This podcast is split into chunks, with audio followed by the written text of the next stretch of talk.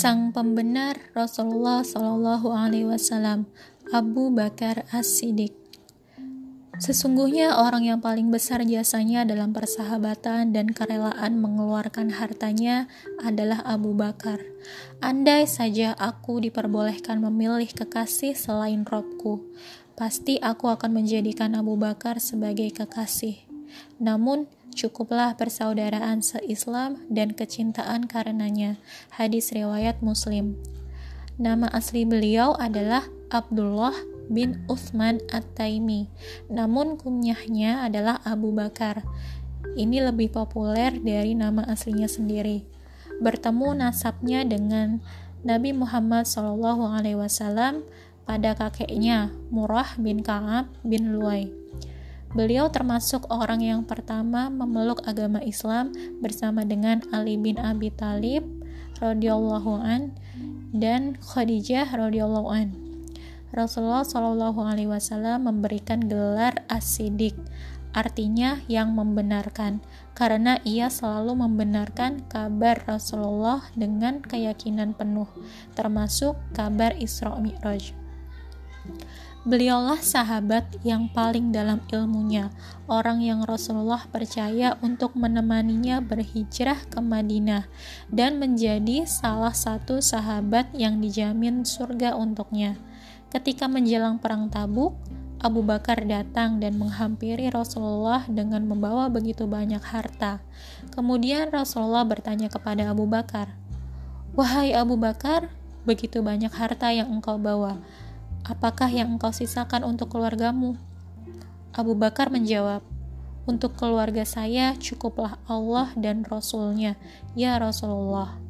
Mendengar hal tersebut, Umar bin Khattab begitu kaget, dan ia berkata, Demi Allah, bahwa sampai kapan pun saya tidak akan bisa mengalahkan Abu Bakar As-Siddiq.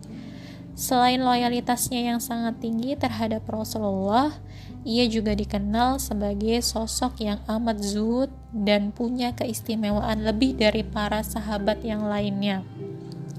Reputasi inilah yang membuatnya dipercaya mengemban amanah sebagai khalifah pertama selepas Rasulullah SAW wafat. Abu Bakar adalah lelaki yang lemah lembut, namun tegas dan keras dalam hal memerangi orang yang murtad. Selama Rasulullah SAW sakit dan saat menjelang wafat, dikatakan bahwa Abu Bakar ditunjuk untuk menjadi imam sholat menggantikan Rasulullah SAW. Setelah beliau meninggal dunia, Abu Bakar dianggap sebagai sahabat yang paling tabah menghadapi kepergiannya. Ada sebuah doa dari Ali bin Abi Thalib untuk Abu Bakar setelah uh, Abu Bakar wafat. Suatu ketika Ali bin Abu, Abi Talib pernah berhenti di makam beliau dan berkata, Semoga Allah merahmatimu, wahai Abu Bakar. Demi Allah, Engkau adalah orang pertama yang masuk Islam, yang paling tulus keimanannya, yang paling kokoh pendiriannya, yang paling besar kekayaannya, yang paling menjaga Rasulullah SAW, yang paling bersemangat menegakkan Islam, yang paling penyayang terhadap kaum muslimin, dan orang yang paling mirip dengan Rasulullah SAW dalam hal fisik, perilaku, sifat, dan ketika memberi petunjuk. Semoga Allah membalasmu dengan kebaikan dari Islam dan dari Rasulullah. Engkaulah yang membenarkan Rasulullah saat orang-orang mendustakannya.